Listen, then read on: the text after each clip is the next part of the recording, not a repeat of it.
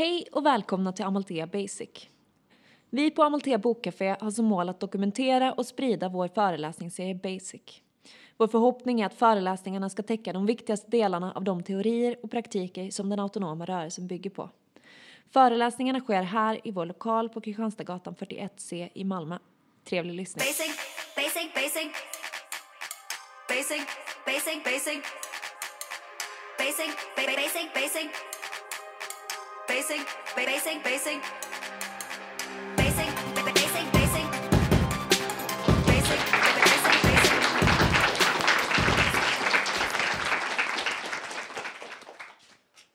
Hej allihopa! Det är alltså jag som skriver under namnet Ensam mamma röker. Vad roligt att ni har kommit hit och vad sjukt att det står en massa folk här utanför som eh, inte får komma in. Jag har vinkat lite eh, till dem. Eh, och tack så mycket till Amalthea såklart som har bett mig att komma. Eh, vi ska börja med en gång helt enkelt för att vi har 45 minuter på oss. Och jag är alltså här för att prata om prostitution. Det är min övertygelse att den globala prostitutionen är en av de mest brännande feministiska och vänsterpolitiska frågorna idag. Och på senare tid så har röster som vill legalisera prostitutionen börjat höras också i Sverige. Internationellt sett så är det som är liksom den svenska hållningen idag i opposition, får man säga. Men så är det ju inte här. Ehm, samtidigt så fortsätter prostitutionen att öka i omfattning i världen och det är idag en av världens snabbast växande industrier. Eh, alltså stater legaliserar och beskattar. Multinationella företag driver prostitutionen och på en del platser så är den till och med börsnoterad. Ehm, alltså jag kommer att ge er min analys av det här. Och i den så kommer jag såklart att bädda in liksom den prostitutionsliberala eller vad man nu vill kalla den. Men jag är liksom ingen oberoende expert eller något sånt sjukt utan, utan jag är aktivist och jag är kommunist och jag är radikalfeminist. Och det är liksom ingen hemlighet. Och den som är intresserad av att liksom höra resonemang om hur vi ska förbättra arbetsvillkoren för sexarbetare, den får vända sig till någon som för sådana resonemang. För det gör inte jag och det kommer jag inte att göra här idag heller. Och det betyder att jag kommer inte att liksom behandla de här två sidorna som finns på, på samma sätt. Och ärligt talat så, ja, men så vore det ganska sjukt om jag gjorde det. För att jag tror att de flesta här inne vet att jag har en ganska stark hållning. Och idag så har vi liksom inte heller ens något neutralt språk om prostitution. Så att man tar ställning i det här hela tiden. Eh, ja, alltså jag har 45 minuter på mig och det är dessutom så att vi ska prata basic så jag ska hålla mig på den nivån hoppas jag. Um, ja, den sista liksom så brasklappen för det här är att jag är såklart medveten om att inte uteslutande kvinnor utnyttjas i prostitution. Alltså när jag pratar om kvinnor i prostitution här idag så är det också ett ställningstagande i att vi behöver tala klarspråk runt hur industrin ser ut. Och då är det så att den absoluta merparten utav prostitutionen är kvinnor som säljs till män. Men det är inte uteslutande kvinnor, som sagt, som utnyttjas i industrin. Mm. Eh, Okej, så jag sa att frågan polariseras. Och den här uppdelningen, abolitionister, normaliseringsförespråkare, den har jag lånat av Jenny Westerstrand. När hon skriver om det här så gör hon liksom en skala och så placerar hon in en massa olika läger på den här linjen. Men det är inte basic. Alltså, då får vi lägga 45 minuter eh, på, på det och det kan vi liksom inte göra utan vi pratar som att det bara finns två poler. Men ni måste vara medvetna om att det finns ju grader både i helvetet och på den andra sidan. Liksom. Alltid så gör det det. Um, mm. Och alltså, när man hårdrar de här två polerna så ser man ganska snabbt att den grundläggande förståelsen av vad prostitution är för någonting, eh, den skiljer sig åt ganska fundamentalt och det är därför som vi har så jävla svårt att diskutera med varandra. Alltså vi pratar inte om samma sak.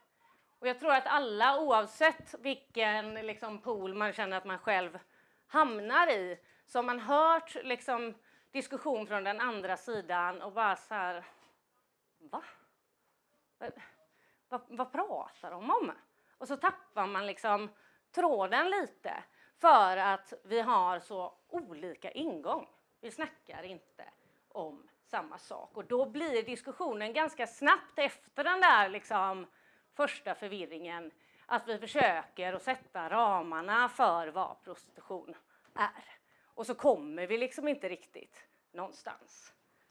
Um, mm.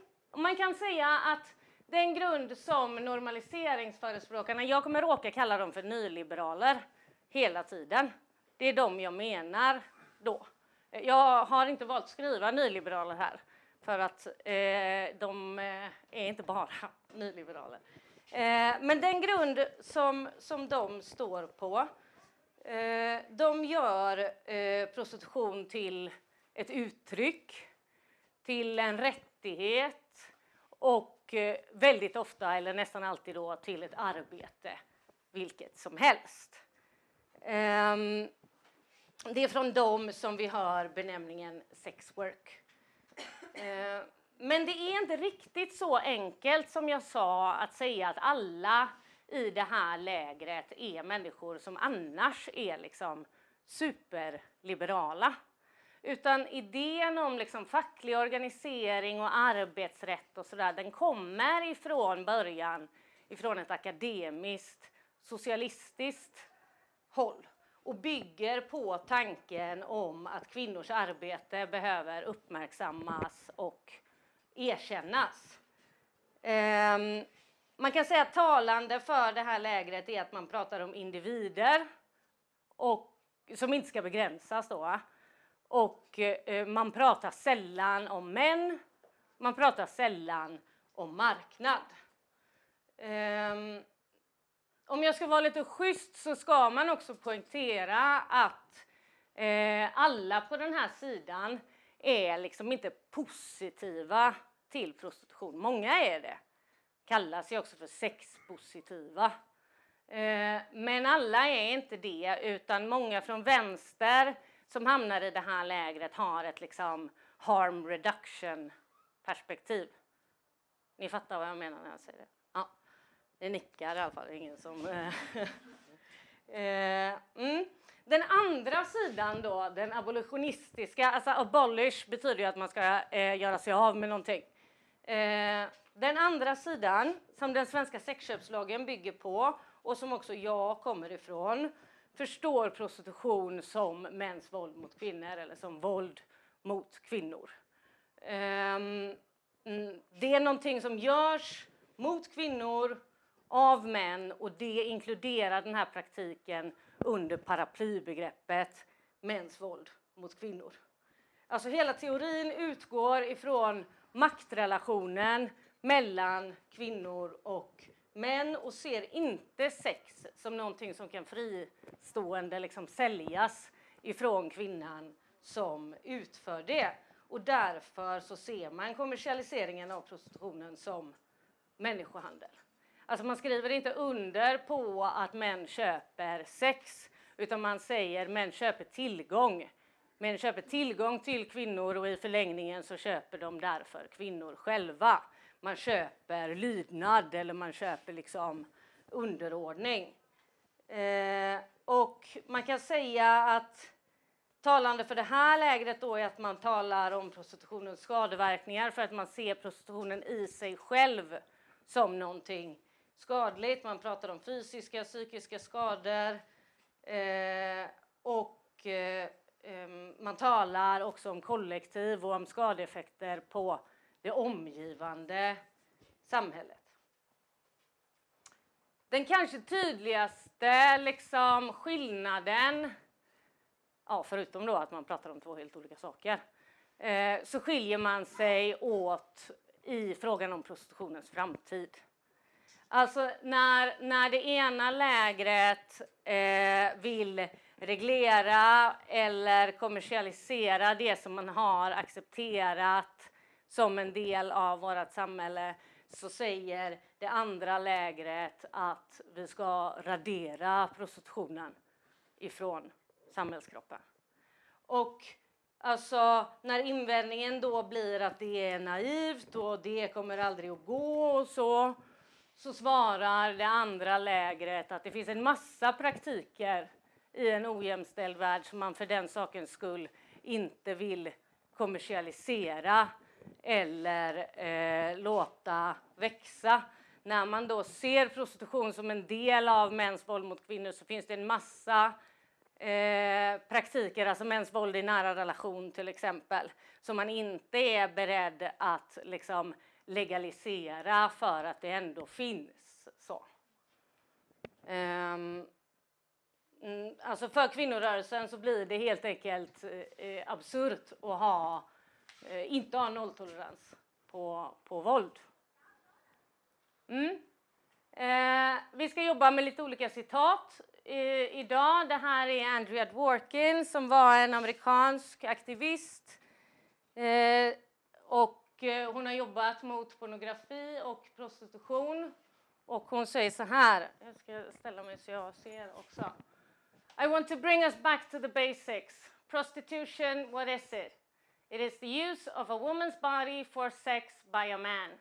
He pays money, he does what he wants. The minute you move away from what it really is, you move away from prostitution into the world of ideas.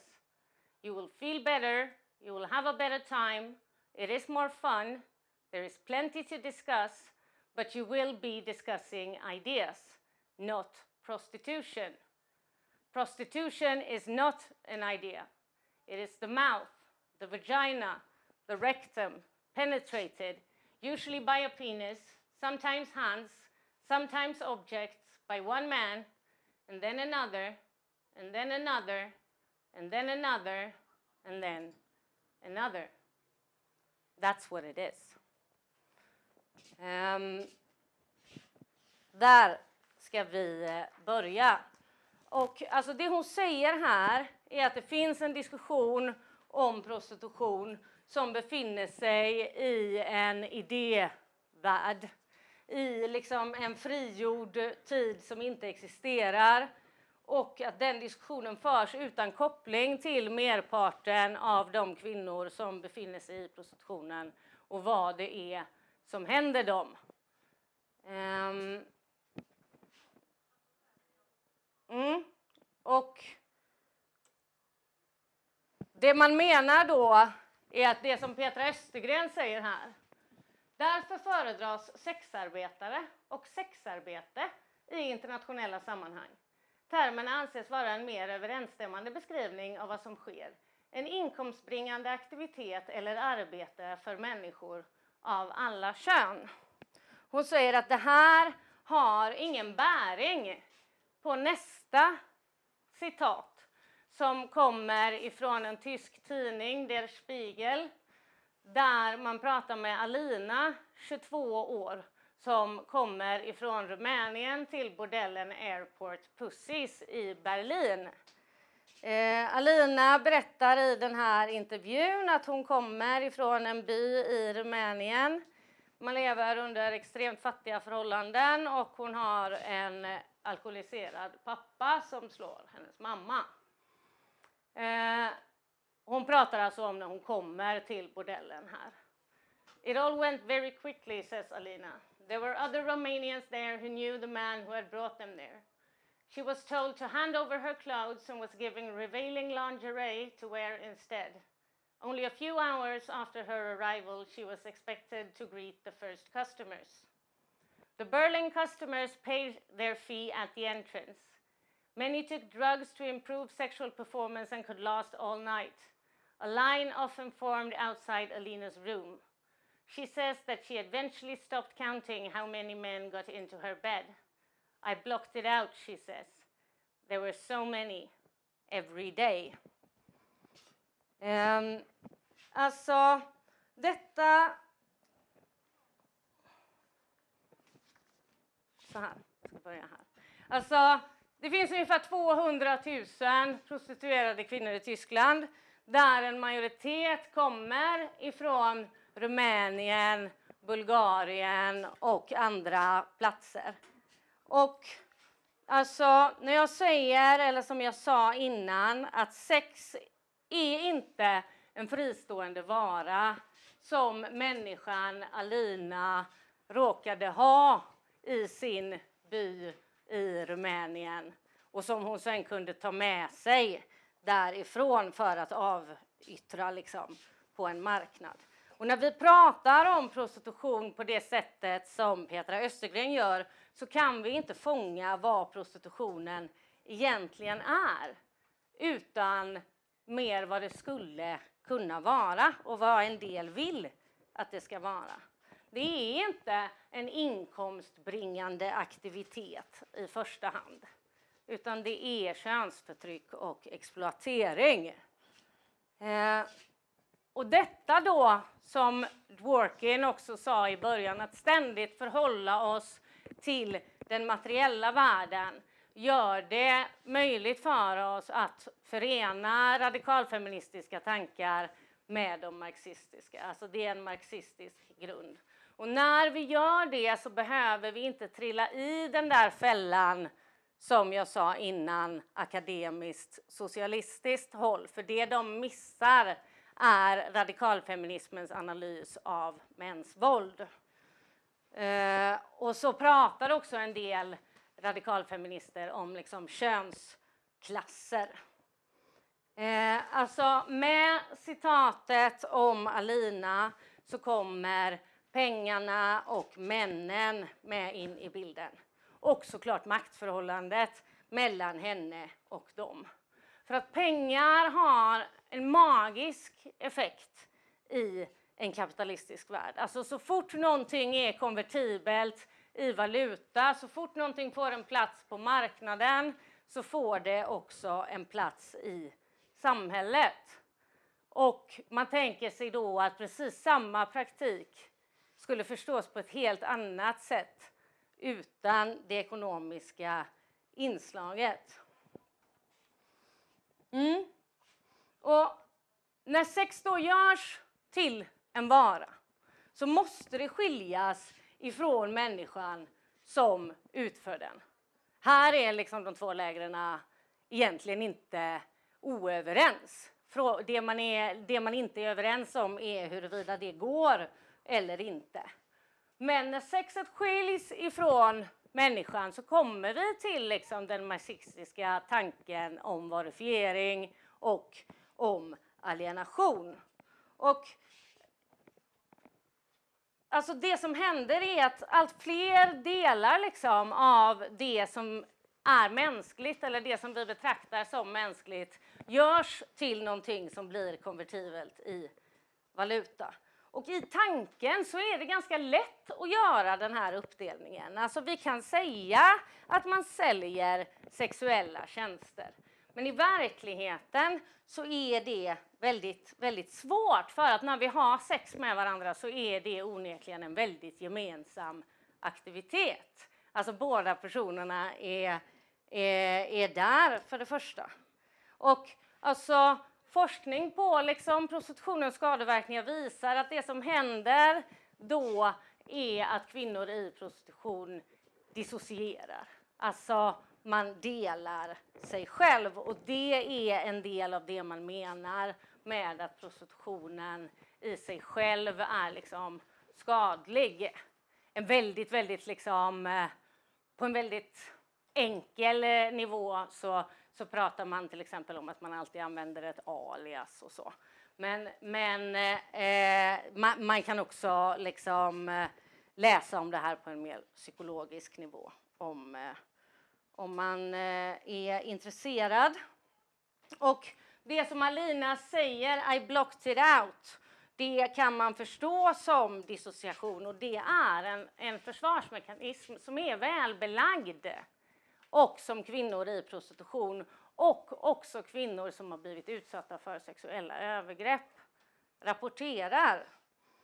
Ehm, tanken från marxistiskt håll är att när kapitalismen har gjort någonting mänskligt till en vara så har den tagit någonting ifrån oss.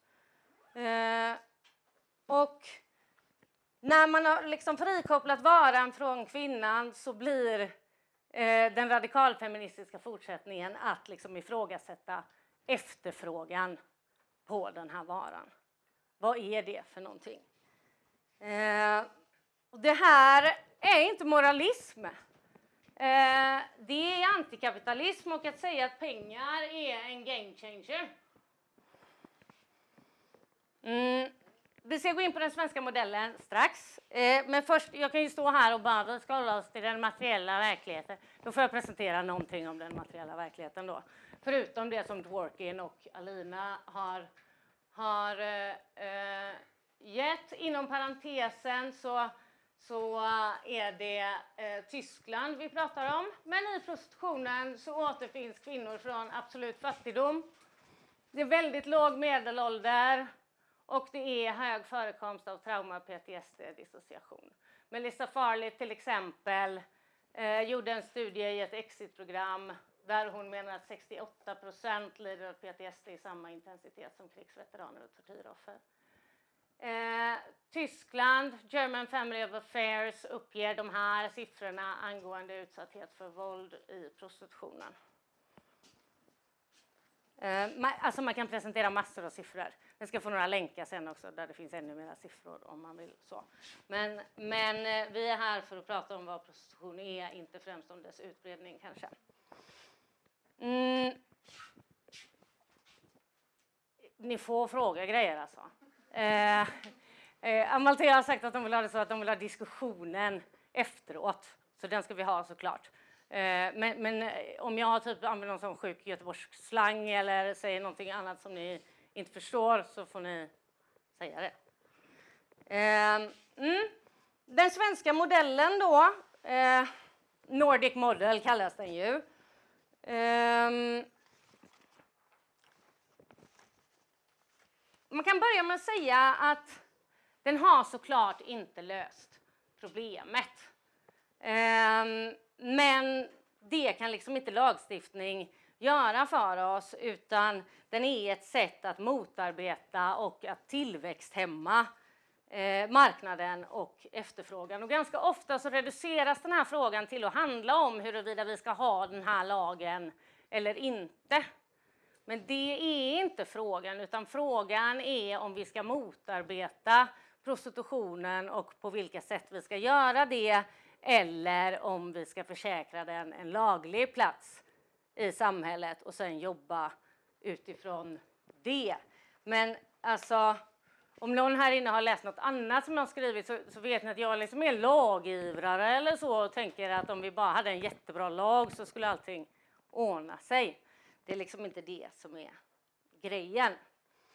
Mm, den här lagen har drivits fram av den svenska, svenska kvinnorörelsen och Alltså hela forskningsbakgrunden och de utredningar som har gjorts inför lagen bygger på det som kvinnor i prostitution har sagt. Den bygger på erfarenheter. Så att när man anklagar liksom den radikalfeministiska sidan för att inte vilja lyssna så är det helt enkelt inte sant. Det kan vem som helst kolla upp. Um, mm. Men Eh, den här lagen röstades igenom 1999 och den har gjorts om. Idag finns den i brottsbalken, sjätte kapitlet, elfte paragrafen. Den som skaffar sig en tillfällig sexuell förbindelse mot ersättning döms för köp av sexuell tjänst till böter eller fängelse i högst ett år.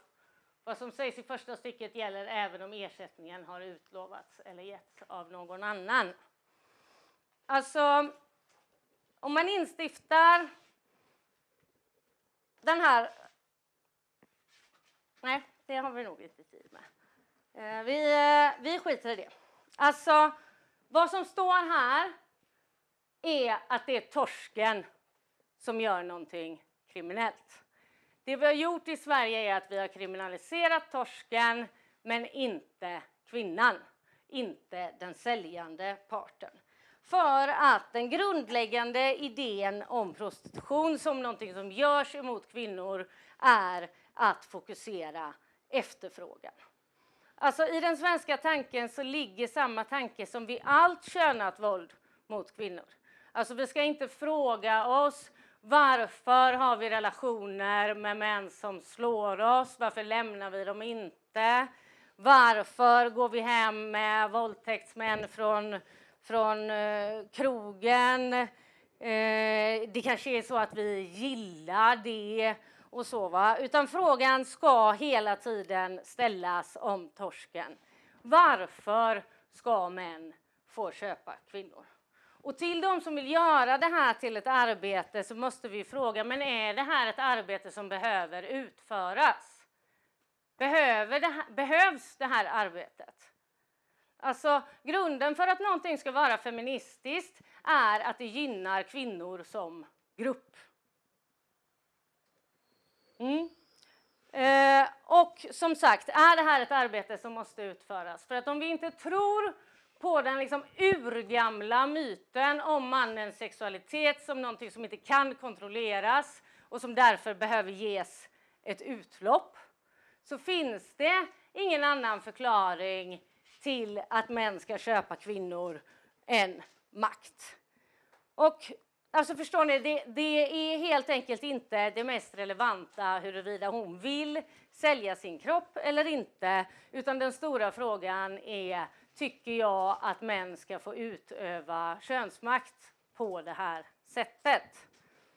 Ehm, med fokuset på torsken så kommer vi därför runt frågan om frivillig och ofrivillig prostitution. Lagen gör ingen skillnad. Och återkommande från det liksom normaliserande lägret så, så gör man skillnad på frivillig och ofrivillig prostitution för att ingen kan säga att ja, jag tycker att trafficking för sexuella ändamål, sexuella ändamål är jättebra. Det är ingen som, som säger det. Eh, frågan är ju dock vad man gör eh, för att det inte ska förekomma. Det är också en uppdelning som är problematisk att göra i till exempel fallet Alina som vi hade innan.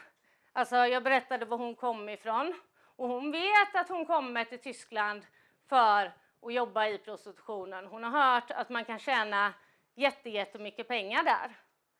Men hon har inte en rättvis bild av vad det är som händer. Hon blir chockad när hon väl kommer dit.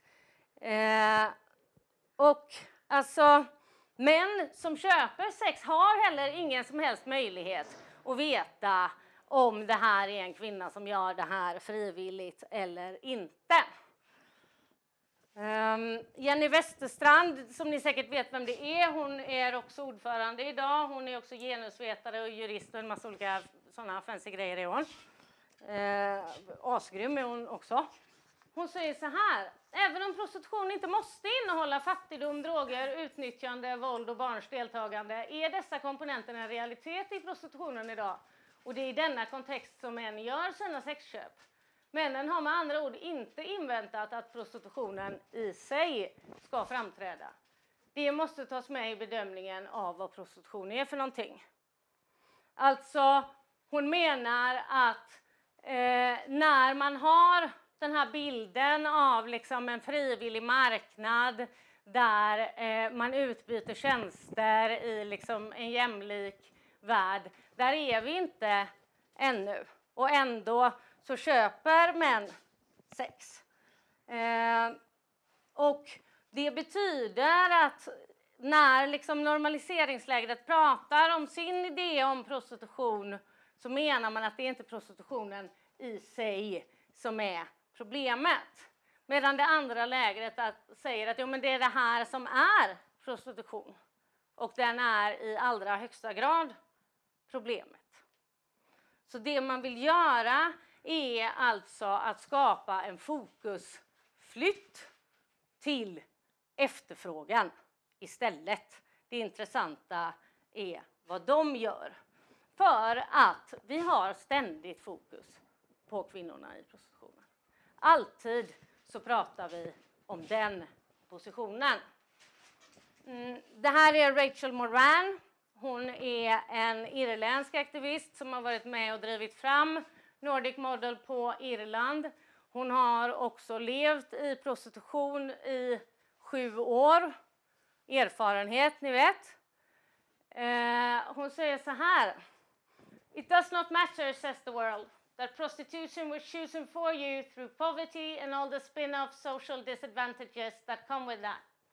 You chose it, says the world. So if you want to blame someone, go blame yourself. And you buy into this to a great extent because, because it's such a prevailing concept and you do not rail openly against your having been bought because there is such strongly implied personal culpability in your having been sold. Alltså, det hon säger är att det ständiga fokuset på hennes val ger henne ansvar. Och... Jävlar vad tiden går. Ehm, och alltså när vi aldrig pratar om torsken så menar hon att vi nekar kvinnorna i prostitutionen möjligheten att beskriva sin position eller sin situation som en av utsatthet. Alltså vi nekar rättigheten att beskriva det som hon har utsatts för som övergrepp. Kort sagt så nekar vi henne offerpositionen. Och då ska man komma ihåg att offerpositionen säger ingenting om att hon är dum i huvudet eller att hon inte har liksom någon egen handlingskraft eller att hon liksom är ett kolli så. Utan det man säger om offerpositionen är att någonting har drabbat dig. Du har blivit utsatt för någonting. Det är inte en personlig egenskap. Eh, utan det är ett beskrivande av det som sker. Och där vill den svenska lagen ge erkännande till utsattheten och säga att ja, men vi ser den. Eh, jag tänkte säga nu att vi ska återkomma till det, men det ska vi inte, för det hinner vi inte. Men man kan säga att hela berättelsen om sexarbetaren är en berättelse om de prostituerade. Och om vi inte har några gärningsmän i diskussionen så har vi inga offer. Och utan torsken så kan man göda en av de äldsta misogyna myterna som finns och det är den om den lyckliga horan som Jenny Westerstrand till exempel har pekat ut berättelsen om sexarbetaren för att vara en modern version av. Och om man är marxist och stöter på ett fenomen i samhället så för att syna det så frågar man sig, okej, okay, vem tjänar på det här? Vems intresse är det som ligger i det här? Vem tjänar på berättelsen om sexarbetaren och alla andras osynlighet? Vem tjänar på att det inte finns några offer? Det är en retorisk fråga. Ja. Eh, och många eh, liberaler menar då att nej, men, ni överdriver den här, eh, eh den här myten och de gillar att vara meta liksom. Så att Petra Östergren till exempel, hon har då skrivit om myten om myten om den lyckliga horan. Men saken är ändå så här, och det ska man säga högt. Och det är att ja, det finns en tendens att lyfta fram de negativa exemplen. För det handlar om vilka vittnesmål man tycker är de mest relevanta. För att det kan aldrig vara överordnat att någon ska ha ett jobb som den råkar gilla för att någon annan ska liksom utstå upprepade traumatiserande övergrepp. Det är inte kontroversiellt. Men ändå så vill vi inte säga det. Men eh, nu sa jag det då. Eh, ja. Mm. Mm. För att, alltså, vad hamnar vi i när vi liksom har fokus på det fria valet och den fria viljan? När det möter sex så blir det frågan om sexuellt samtycke. Sexuellt samtycke är en sån sak som jag blivit ombedd att ta upp idag, så, så det ska jag göra. Vi har ju också precis fått en samtyckesreglering i Sverige, det vet ni. Ja. Eh, och man kan säga att idén om sexuellt samtycke och det som samtyckesregleringen har gjort är att det ställer lite på ända vår idé om vad det är som är ett sexuellt övergrepp. Alltså, om det tidigare har varit det som sker efter ett nej så ska det nu betraktas som det som sker före ett ja. Och det betyder att den som vill ha sex med någon måste söka samtycke. Och man kan inte längre gömma sig bakom att man trodde att hon ville. Och man kan inte heller med det som i samtyckesregleringen har kommit att kallas oaktsam våldtäkt, vilket ju är lite sjukt då, för då undrar man ju vad är en aktsam våldtäkt? Men i alla fall, oaktsam våldtäkt, där kan man inte gömma sig bakom att man inte förstod. För att man säger att om han rimligen borde ha förstått att hon kanske inte ville, men ändå hade sex med henne, så ska det betraktas som ett övergrepp. Alltså jag har aldrig träffat någon inom vänstern som inte tycker att det är en rimlig utgångspunkt. Aldrig någonsin. Sen kan man definitivt liksom kritisera den och en stor kritik är ju att överintresset av det fria valet, samtycket, riskerar att skapa liksom en fejkad jämlikhet där män kan göra vad de vill om de bara kan få kvinnor att säga att de var med på det. Liksom. Eh, men fortfarande så, så är det här liksom en utgångspunkt som vi vill ha. Och då måste vi fråga oss vad händer med den utgångspunkten i prostitutionen?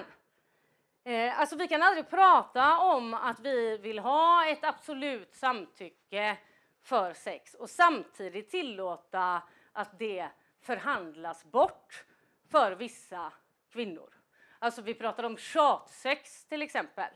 Alltså vad, vad är då prostitution? Ehm, och ehm, mm, då säger ju många i mitt läger att ja, men det här är skitenkelt. Ehm, det är ju samtycket man köper. Man betalar för samtycket. Men Rachel Moran som jag nämnde innan, hon tar ett steg till och säger att nej, jag tar inte betalt för mitt samtycke. Det torsken betalar för är...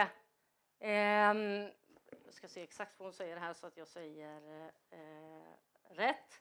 Hon ser det inte som ett samtycke till övergreppet utan som ett tystnadslöfte. Alltså att man betalar bort möjligheten att beskriva det som man har utsatts för som ett övergrepp. Och därför så kallar hon betalningen för en silencer. Och för mig så, så är det liksom talande eh, för hur grovt det blir när pengarna kommer in. Och alltså, den här tendensen, detta är liksom återkommande prostitutionens problem, att där gäller andra regler. Um, och den här tendensen att låta andra regler gälla för vissa kvinnor, den är välkänd, den har alltid funnits. Och till exempel Carol Pateman pratar om skapandet av en surrogatklass bland kvinnor till exempel. Men om man har en analys av könsmakt där män och kvinnor är två mot varandra stående kollektiv så kan vi förstå frågan om köpt samtycke som ett underminerande av hela det feministiska projektet. Vi vet att män i prostitutionen köper det som kvinnors an, kvinnor annars eller deras partners inte samtycker till. Ehm, och många kvinnor i prostitution med övergreppserfarenhet pratar om att liksom i alla fall få betalt. Alltså om det här ska hålla på att hända mig så kan jag i alla fall få betalt för det. Och ska vi då säga till dem att ja, men vilket bra sätt att göra det frivilligt. Det här är helt normalt. Det här är modernt och lite liksom frigjort. Eller så säger vi att nej. Målet är att sätta stopp för mäns våld och inte kommersialisera det och låta dem köpa det utav oss. Alltså vad han har gjort mot dig, det har han gjort oavsett om han betalade eller inte. Um, mm. Nu ska jag prata ännu snabbare. Eh, för nu är det tio minuter kvar om jag... Ja, en kvart kanske det är kvar. Eh, för att eh, nu ska vi då gå över till att prata om eh, marknaden. För det är ju inte så enkelt som att vi har kommersialiserat det och låtit dem köpa det av oss. Utan det finns ju fler parter. Va? Eh, för det är så här att om man betraktar sig själv som vänster men ändå känner att nej men just sexköp, jag, jag, jag, jag vet inte så. Då ska man ha jävligt klart för sig att det som man öppnar upp för det är råkapitalism. Alltså man ska ha jävligt klart för sig att man företräder liksom samma tankar som typ Timbro. Timbro vill avskaffa semester. Alltså, eh, och det behöver man liksom veta om. För det är inte så att om vi tar bort liksom eh, sexköpslagen och går mot legalisering eller avreglering så kvarstår liksom prostitutionen ungefär som den är nu. Bara det att ingen gör något, något olagligt. Liksom. Utan det som händer eh, i, i, vid millennieskiftet liksom i, i Europa men också tidigare på, på andra platser det är vad en helt global marknad gör med en global efterfrågan i en värld av mansdominans. Eh, så att nu ska vi prata antikapitalism helt enkelt. Den här ska vi skita i, det har vi inte tid med. Jag trodde det var en annan.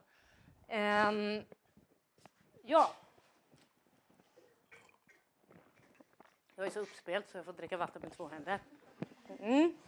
Eh, det här är Sheila Jeffries. Det kanske är någon som vet vem hon är. Hon är jävligt kontroversiell. Australiensisk feminist. Hon skriver så här. However, in the late 20th century, various forces came together to breathe new life into this harmful cultural practice. The most important is the new economic ideology and practice of these times, neoliberalism, in, in which the tolerance of sexual freedom has been merged with the free market ideology to reconstruct prostitution as legitimate work, which can form the basis of national and international sex industries. Alltså hon säger att marknaden har spelat med två idéer som ni alla har hört om. Alltså idén om sexuell frigörelse och idén om prostitution som arbete. Och hon går så långt så att hon säger att det här är hela grunden som man har kunnat bygga den här industrin på. Och alltså, det betyder att när man pratar det liberala språket så sätter man sig i samma båt som de som företräder den här marknadsideologin, vare sig man vill det eller inte. Alltså, det är en kapitalistisk grundprincip att alltid söka nya marknader. Att alltid bryta och utöka nya marknader. Och det vi ser idag är ju till exempel global sexturism. Alltså torskar som åker och turistar för att köpa sex, till exempel i Thailand. Men vi ser också turism till Tyskland och till Holland där man köper sex av kvinnor ifrån baltstaterna, Rumänien, Bulgarien, som sagt. Alltså vi ser särskilda områden i städer som är helt vikta till den här industrin. Det är olika extremt på olika platser, men liksom red light districts. Så. Eh, på vissa platser finns det ju hela stadsdelar. Eh, och vi ser en marknad som många menar är beroende av trafficking för att eh, man kan inte förse, förse den efterfrågan som har skapats. Vi möttes av en rapport bara häromveckan från, eh, från eh, FN om att människohandeln stadigt har ökat i världen sedan 2010 och att en majoritet, 70 procent, är kvinnor och flickor till prostitution. de hamnar ju någonstans. Ehm, och alltså, vi ser dessutom en mängd profitörer. Vi ser bordellägare såklart, vi ser de som driver eskortfirmor, vi ser banker som lånar ut pengar till industrin, vi ser resebolag som, som tjänar pengar på sexturism, vi ser hotellkedjor som gör det och vi ser stater som beskattar handeln och vi ser stater som får in utländsk valuta genom pengar som kvinnor skickar hem ifrån industrin. Och sett i ljuset av den materiella verkligheten så blir snacket om den lilla människans frihet och så ganska tunt. Um, och uh, det är väl där vi kommer till det som blir ganska obegripligt när människor ifrån vänster försvarar den här industrin, hjälper till att bryta marknaden och kämpar för att den ska få finnas. Och alltså jag tror att det som händer är att vänstern tilltalas av ett språk som också är tänkt att appellera till oss. Alltså snacket om det socialistiska språket liksom, om arbetsrätt, om fackföreningar, om organisering underifrån. Det görs utan det mest grundläggande och det är konfliktlinjen. Alltså man använder ett språk och Eh, Jenny Westerstrand som jag nämnde, hon har kallat det här för en superdiskurs för att den kan tilltala liksom alla olika politiska läger och det gör den också. Det ser vi, det samlas liksom, men även folk ifrån eh, vänster. Men, men man erkänner liksom inte det mest grundläggande i själva analysen som man pratar med. Och det är tanken om att lönearbete är i grunden någonting dåligt som vi inte vill ha, som gör oss illa och den som tjänar pengar på vårt arbete har inte samma intressen som vi. Men den konfliktlinjen finns inte i diskursen, utan den är bara språklig. Och alltså, eh, facklig organisering i prostitutionen, det har vi inte sett i någon nämnvärd utsträckning. Däremot så finns det massvis av intresseorganisationer och så som organiserar folk ifrån hela branschen. Det går inte att beskriva det som en liksom socialistisk organisering underifrån. Eh, och alltså prata om arbetsrättsliga bestämmelser och så. Alltså, vad gör vi med till exempel löneutveckling i en bransch där ditt värde sjunker ju längre du har varit i den? Vad gör vi med lagar om diskriminering när torskare är beredda att betala olika mycket för liksom olika raser? Eh, Simon Häggström, som ni vet, han prostitutionssnuten, han eh, skrev en debattartikel som publicerades för några dagar sedan om en pojke i prostitution som hade blivit skendränkt, waterboarding. Det är samtidigt som Rolling Stone gör ett reportage om waterboarding som ett kink med rubriken, ja, någon kan kolla upp exakt vad rubriken är, men typ så här Eh, when sex strides with Geneva Convention. Alltså när sexuella preferenser bryter Genèvekonventionen. Eh, vad säger skyddsombudet om waterboarding? Eh, hur ska vi hantera det? Alltså, det blir väldigt svårt helt enkelt.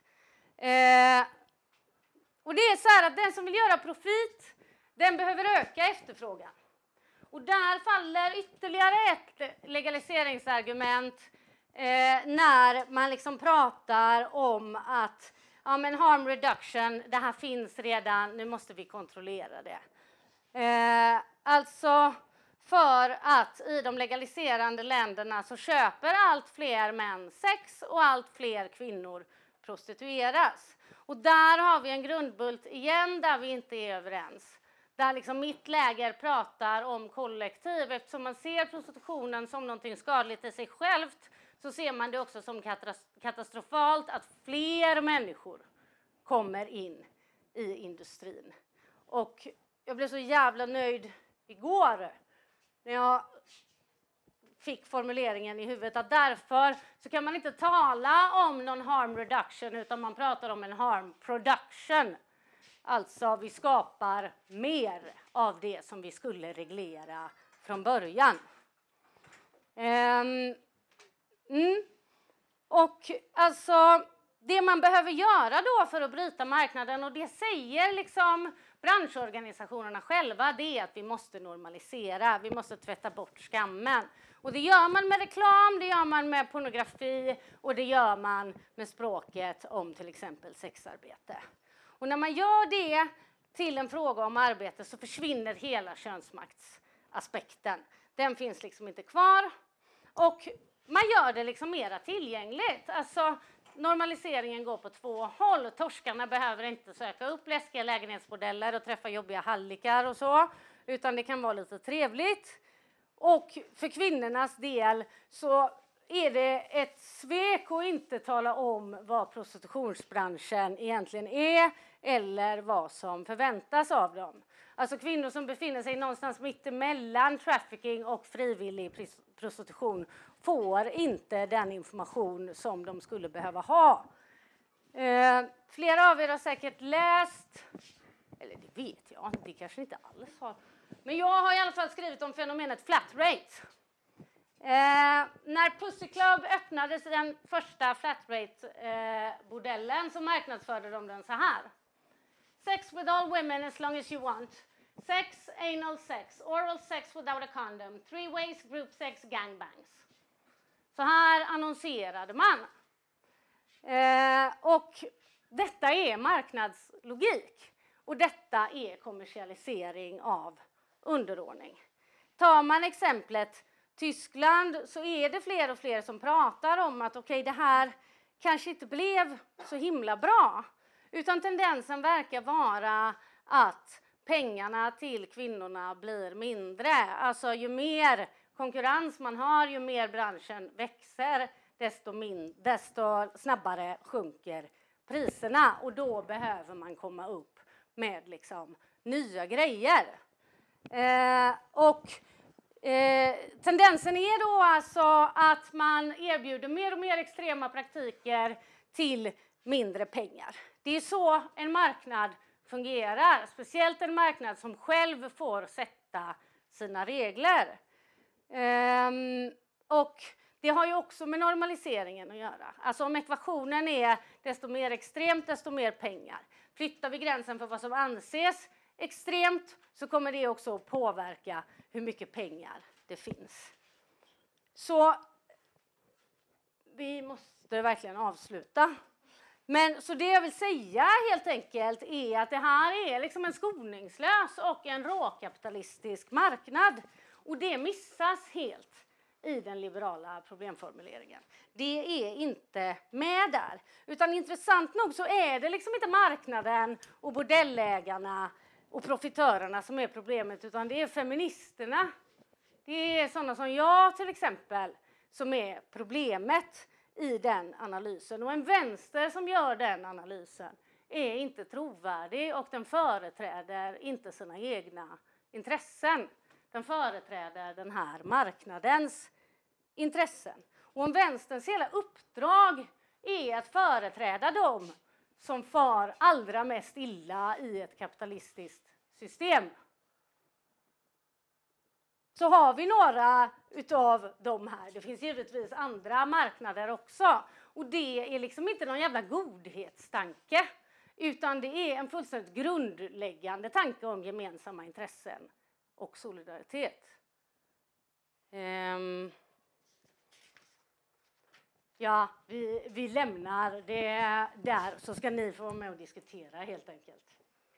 Uh, tack så mycket.